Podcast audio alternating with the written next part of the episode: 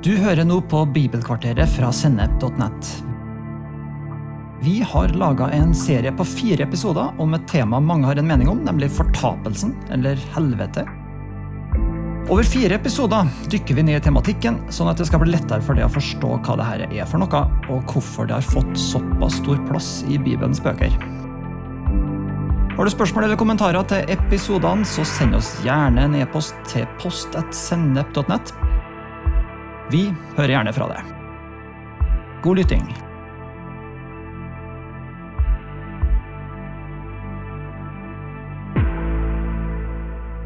Del fire Hvor lenge varer evigheten?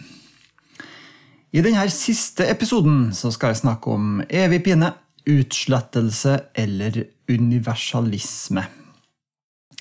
Det spørsmålet som har fått størst oppmerksomhet i kristne miljøer med et eh, tradisjonelt og konservativt bibelsyn de siste ti årene, er det her med hvor lenge straffen for de fortapte vil vare. Og Det har eksistert tre syn på dette i kirkehistorien. Det tradisjonelle og vanligste synet i kirkehistorien er det vi kan kalle for evig pine. At fortapelsen er evig, at det er en tidløs og uendelig tilværelse hvor de fortapte lider straffa for sin synd i møte med den hellige Gud. De som mener dette, vil legge vekt på de skriftstedene som omtaler evigheten på denne måten, spesielt ut fra Johannes' åpenbaring i Bibelen. Så har vi et syn som har fått økt tilslutning de siste årene blant flere toneangivende kristne, nemlig utslettelsessynet, eller annihilasjonisme. De legger vekt på at den måten å snakke om fortapelsen som brukes oftest i Bibelen, er ødeleggelse, altså 'perishing' på engelsk. Mens de versene som omhandler pine, eller 'torment' på engelsk, er langt færre. Så gjør de også et poeng ut av at udødelighet og en evigvarende tilværelse etter oppstandelsen ikke gjelder alle, men at den er betinga av at den er født på ny. Så mennesker som er født på ny, får del i det evige livet. Men er den ikke født på ny, så vil den opphøre å eksistere etter fortapelsen. Sånn som asken ligger igjen etter at bålet er brent opp. Derav brukes begrepet utslettelse, i motsetning til en evigvarende og uendelig pine i fortapelsen. Og Dette er jo et syn i framvekst. Den evangelikale teologen John Stott får det her. Og flere framtredende konservative kristne har tilslutta seg dette synet. Blant annet en som heter Preston Sprinkle, som står bak podkasten Theology in the Raw, som mange hører på. Det tredje synet det er kristen universalisme. Eh, nå finnes det altså flere varianter av universalisme, bl.a. dem som sier at alle veier fører til Gud. Men her snakker vi altså om en kristen universalisme som forutsetter å bygge på Jesu frelsesverk på Golgata. Og Det er et syn flere kjente teologer i det 20. århundret står for, sånn som Jürgen Moltmann eller Carl Barth. Kristen universalisme forbindes med et teologisk begrep som kalles apokastasis panton, som kommer fra gresk og betyr 'alle tings gjenopprettelse', henta fra apostlenes gjerninger 3 og vers 21. Så Universalisme innebærer altså at alle ting gjenopprettes, også alle menneskers relasjon til Gud. De vil f.eks. legge vekt på vers som at hver tunge skal bekjenne at Jesus Kristus er Herre, altså ikke bare de kristne, som da er henta fra Filippe-brevet. Og så vil de også legge vekt på 1. Korinterbrev 15, hvor det står at eh, Gud skal bli alt i alle. Kort fortalt så innebærer altså at det ligger i sakens natur at Kristi seier over synd er nødt til å være total. Og hvis eh, store deler av verden avviser Jesus, og han tvinges til å dømme mennesker til fortapelse, så vil ikke den triumfen være særlig imponerende. Tvert imot så vil det være et nederlag for Gud og for hans plan for verden. Derfor legger de kristne universalistene vekt på disse versene, spesielt av 1. Korinterbrev 15, som sier at alle mennesker til slutt bøyer seg for Jesus og innrømmer at han er frelser og herre. Det betyr at de som foreløpig ikke har vendt om til Jesus, de kommer til å ombestemme seg når de etter oppstandelsen innser at de tok feil.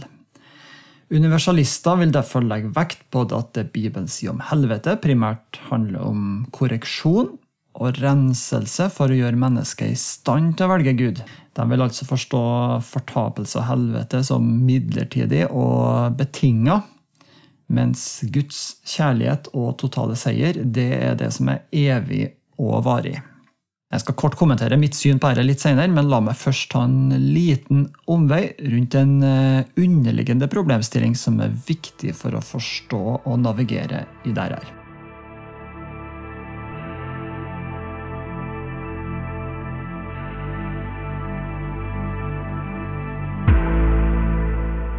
Den omveien det gjelder temaet rundt menneskets frie vilje. Noe av grunnen til at det tradisjonelle synet på evig pine har lavere tilslutning blant eh, unge kristne i Vesten i dag, handler om at den evigvarende pine i fortapelsen oppfattes som altfor strengt og urettferdig. At straffen, altså en evigvarende og uendelig pine, den er uforholdsmessig streng i forhold til den ugjerningen som er gjort.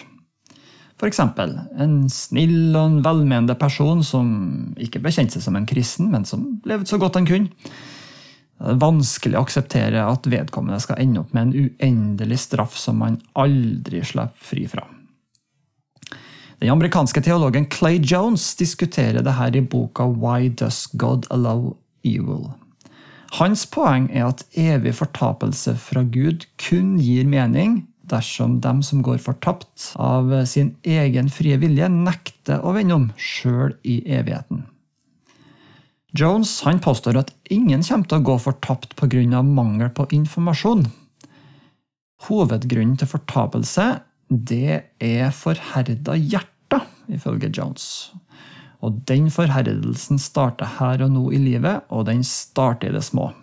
Det er også andre som er inne på det samme, bl.a. CS Lewis, han skriver følgende i boka The Great Divorce. Der står det Helvete begynner med en mørk stemning. Du ser den ikke som en del av deg sjøl, og kanskje kritiserer du den, men i en mørkere stund vil den stemninga bli en del av den, fordi du omfavner den. Du kan vende deg bort fra den, du kan prøve å komme deg vekk, men det vil komme en dag hvor du ikke kan gjøre det lenger. Og Da vil ikke være noe sjølbevissthet igjen hos deg til å kritisere denne stemninga, eller nyte den, men den vil fortsette i det uendelige som en maskin. De katolske apologetene Peter Kreft og Ronald Tascelli er også inne på det samme. De sier følgende Helvete begynner i det herre livet, sånn som himmelen gjør det. Såkornet er planta her. De hellige vil si at de alltid har vært i himmelen, like som de fordømte vil alltid si at de har vært i helvete. Karikaturen av en gud som sender smarte, selvstendige, oppegående mennesker til helvete, det er ganske langt fra det bildet som Bibelen tegner. Helvete, eller fortapelse, handler altså snarere om et gedigent sjølbedrag, hvor vi tror at vi klarer oss uten Gud, eller at Gud kommer til å gi seg i møte med mine unnskyldninger eller eh, velmenende intensjoner. Eller at vi går oss fast i våre feilforestillinger om Gud, framfor å slippe til Den hellige ånd, og la Han åpenbare for oss gjennom ordet hvem Gud er. I bibelsk språkdrakt så kalles dette altså for forherdelse. Og det er et uttrykk for at fortapelse er noe som vokser fram i oss, og som fortrenger det gudsbildet vi er skapt å bære. Dette foregår som regel uten at vi forstår det sjøl. Noe som vokser fram i oss over tid, og som gjør at ikke vi ikke lenger vil si ja til Jesus og hans ord på samme måte som før. Forherdelse handler ikke om at vi er sympatiske eller snille mot dem som er snille mot oss, men det handler om å la Jesus få sette retning for oss, både når livet er godt og når livet er vanskelig. Å være skapt i Guds bilde handler om å leve ut den hjerteholdninga og den menneskeligheten Gud har lagt ned i oss. Som synden prøver å korrumpere i oss, men som gjenopprettes når vi blir født på ny av Gud. Gudsbildet som vi er ment å bære, det handler om den sjøloppofrende kjærligheten, barmhjertigheten, nåden, trofastheten og godheten som Gud sjøl rommer. Og den er jo fraværende hos dem som avviser Gud og gudsbildet han har skapt oss med. Den kristne filosofen Dallas Willard han hevder at dem som går fortapt, vil bli så fastlåst i sin sjølopptatthet og fornektelse av Gud at de ønsker han lengst mulig bort. Det er utenkelig for dem å foretrekke en himmel i Guds nærvær, og de vil søke hvilket som helst påskudd for å rettferdiggjøre og velge sin egen vei, sjøl om Guds invitasjon alltid står ved lag. Så Dallas Willard han spissformulerer det på følgende måte. Han sier Jeg er overbevist om at Gud vil slippe alle inn i himmelen som er i stand til å utstå himmelen. C.S. Lewis er inne på det samme, at en del vil uansett foretrekke å slippe himmelen. Han har sagt helvetes porter, det blir låst fra innsida. Og når vi først inne på C.S. Lewis, har et par andre sitater av han. Han sier til slutt vil det kun finnes to typer mennesker. Dem som sier til Gud 'din vilje skje', og dem som hører Gud si til dem 'din vilje skje'. Alle som er i helvete, har valgt det sjøl. Uten muligheter til å velge kunne det ikke vært noe helvete. Og så sier han også det er riktig å si at det er de rene av hjerte som skal se Gud, for det er bare de rene av hjerte som ønsker det. Det er selvfølgelig en veldig stor spissformulering å si at alle velger helvete sjøl, slik eh, C.S. Lewis sier. Men poenget er at Gud er i stand til å dømme alle mennesker fullkomment rettferdig, og gjennomskue alle våre unnskyldninger og bortforklaringer for hvorfor vi ikke valgte å følge Gud.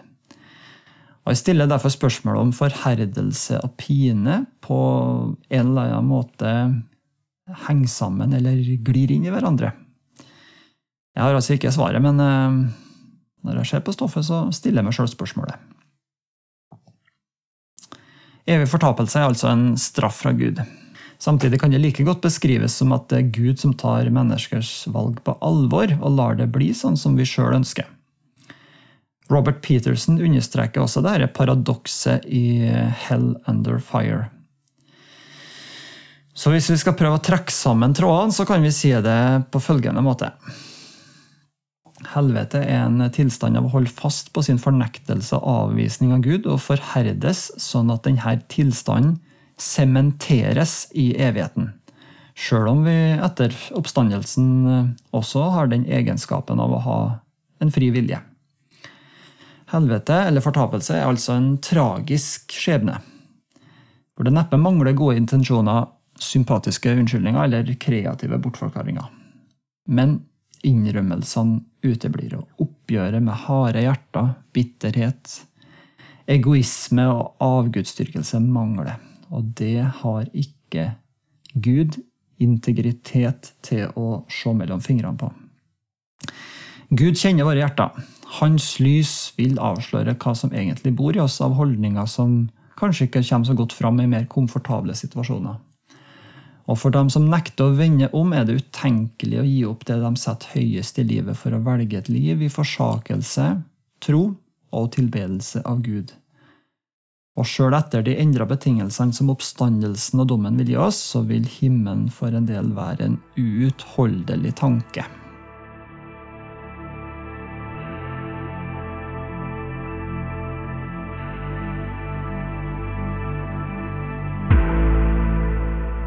La oss gå tilbake til det med evig pine, annihilasjonisme og kristen universalisme, som da er det spørsmålet som oftest kommer på agendaen når kristne diskuterer helvete. Og det her er vanskelig. Det er vanskelig å være totalt avvisende til noen av synene. Og det er fordi at på denne sida av evigheten så kan vi ikke forstå fullt ut hvordan evigheten vil fortone seg. Det er på en måte som å se rett inn i tåka kommer evigheten til å være en tilstand hvor tid ikke eksisterer. Hvor vi lever i en uendelig tilstand hvor det ikke er mulig å dø. Jesus sier jo mer eller mindre det her i Lukas kapittel 20, i diskusjonen med sadukerene om oppstandelsen. Så både Jesus og apostlene sin undervisning gir oss et visst innblikk i det, uten at vi klarer å se hele bildet fra denne sida av tilværelsen. Alle tre synene bruker jo Bibelen og vektlegger for så vidt ulike ting for å komme fram til ulike konklusjoner. Så la oss starte med universalisme. På en måte kan vi jo gjerne si at vi håper at universalisme stemmer, siden det er det mest optimistiske synet, nemlig at alle blir frelst. Men jeg syns det er vanskelig å få det til å stemme overens med det som står i Bibelen. Fordi det underslår menneskets frie og ansvarlige valg og alle advarslene i Det nye testamentet om dom og fortapelse. Og Det virker jo ikke som Guds frelsende nåde kan annullere det standpunktet mennesket tar når det hører evangeliet. I så fall vil det jo gjøre kristen misjon langt på vei unødvendig og irrelevant. Jesus sier jo sjøl at Gud ga sin enbanende skjønn for at hver den som tror på Han, ikke skal gå fortapt, men ha evig liv. Så det er jo en betingelse her, og det er troen på Jesus. Kan en sånn tro vokse fram etter døden og oppstandelsen? Jeg tror ikke det er grunnlag i Guds ord for å konkludere med det. Annihilasjonisme det er jo et syn jeg har eh, respekt for. Eh, de som står for dette synet, har jobba grundig med Guds ord og begrunner synet sitt på ordet. Grunnen til at jeg nøler og stiller meg tvilende, eh, ikke avvisende, men tvilende, til annihilasjonisme, det er fordi at jeg syns de reduserer de teologiske begrepene evig og ødeleggelse til noen ting som vi kan forstå og forklare mer enn det er grunnlag for i bibeltekstene. Et viktig spørsmål rundt dette handler jo bl.a. om begrepet evighet. Har evighet kun med tid å gjøre, eller er det noe mer? Noe større enn bare en dimensjon hvor vi er utafor tida? Evighet er jo kanskje det vanskeligste ordet å begripe i Bibelen. Og Det blir jo ikke enklere av å studere det på grunnteksten heller, fordi det oversettes ulikt gjennom Bibelen. I den greske grunnteksten til Nye testamentet er adjektivet aionios vanligvis oversatt med evig. Men det svarer til substantivet aion, som ofte oversettes med tidsalder eller tider, og enkelte ganger evighet eller eh, andre ord. Judas brev vers 25 inneholder ordet aion i flertall to ganger. Den ene gangen oversettes det med tider, og den andre gangen oversettes det med evigheter. Bare for å ta et eksempel. Jeg anser sjøl evigheten som kanskje noe mer enn bare en tidsepoke. Det er like mye en kvalitet i Gud. For Gud er evig. Derfor kan vi si at evighet er på mange måter en kvalitet innlemma i Guds karakter og vesen. Evighet er altså et kvalitativt begrep som handler om Gud. Mer enn bare at noe varer i en uendelig tidsperiode, for å prøve å si det litt forståelig. Her er komplisert. Jeg forstår ikke dybden i det sjøl engang.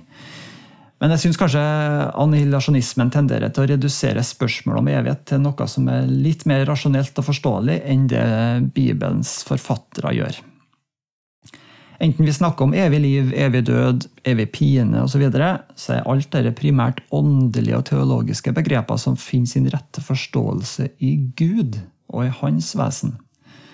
Så det er jo alltid en fare for at vi reduserer de åndelige ordene i jakten på å forstå mest mulig av hva som ligger i det transcendente. Samtidig så har annihilasjonistene eh, gode spørsmål og innvendinger mot det tradisjonelle synet på evig bevisst pine. Så spørsmålet mitt gjelder egentlig ikke kritikken deres mot evig pine i direkte forstand. Men jeg er mer usikker på om de egentlig forstår evig pine sånn som Bibelens forfattere egentlig ville fram til. Så sjøl om jeg på ingen måte kommer til bunns i dette spørsmålet, så tror jeg jeg kan konkludere foreløpig med tre ting. Punkt 1. Jeg tror at i vår vestlige og sekulære kultur så trenger vi primært å begrunne hvorfor det er bra å tro at det finnes en gud som er fullkomment rettferdig, og som har makt og autoritet til å dømme all urett, ondskap og maktmisbruk. Da spesielt hvor de som står bak det, ikke blir stilt til ansvar for ugjerningene sine.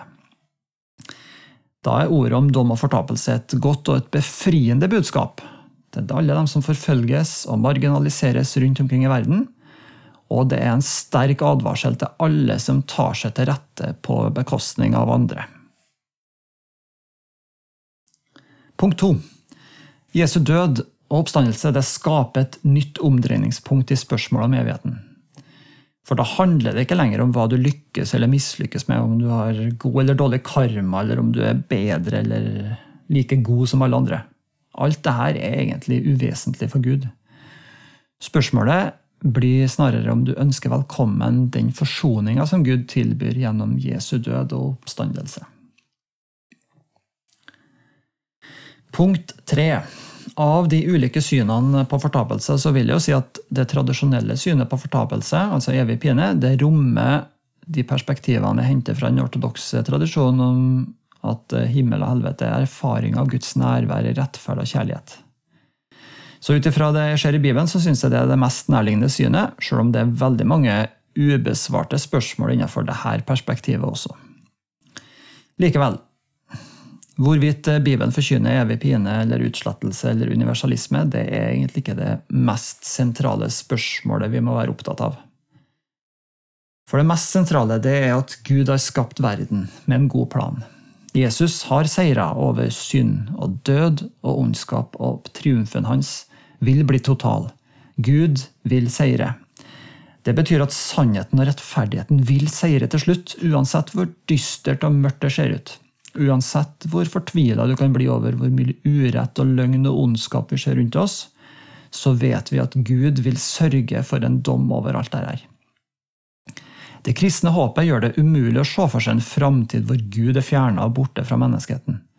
Nei, det kristne håpet er at Gud skal legge alle fiender under Kristus sine føtter, og Gud skal være alt i alle, slik Paulus utbroderer i 1. Korinterbrev kapittel 15.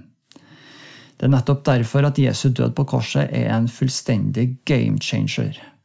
For uten det her hadde ingen av oss hatt en sjanse i møte med den hellige Gud. Men pga. Jesu død på korset har vi alle en sjanse til at Gud i sin kjærlighet vil frelse oss og vise oss nåde. Og gi oss et nytt liv i Jesus Kristus og en ny kraft og et nytt hjerte i Den hellige ånd. Du har hørt en episode fra Bibelkvarteret på sennep.nett. Du vil også finne mer stoff på sennep.nett som gir deg inspirasjon til å følge Jesus i hverdagen.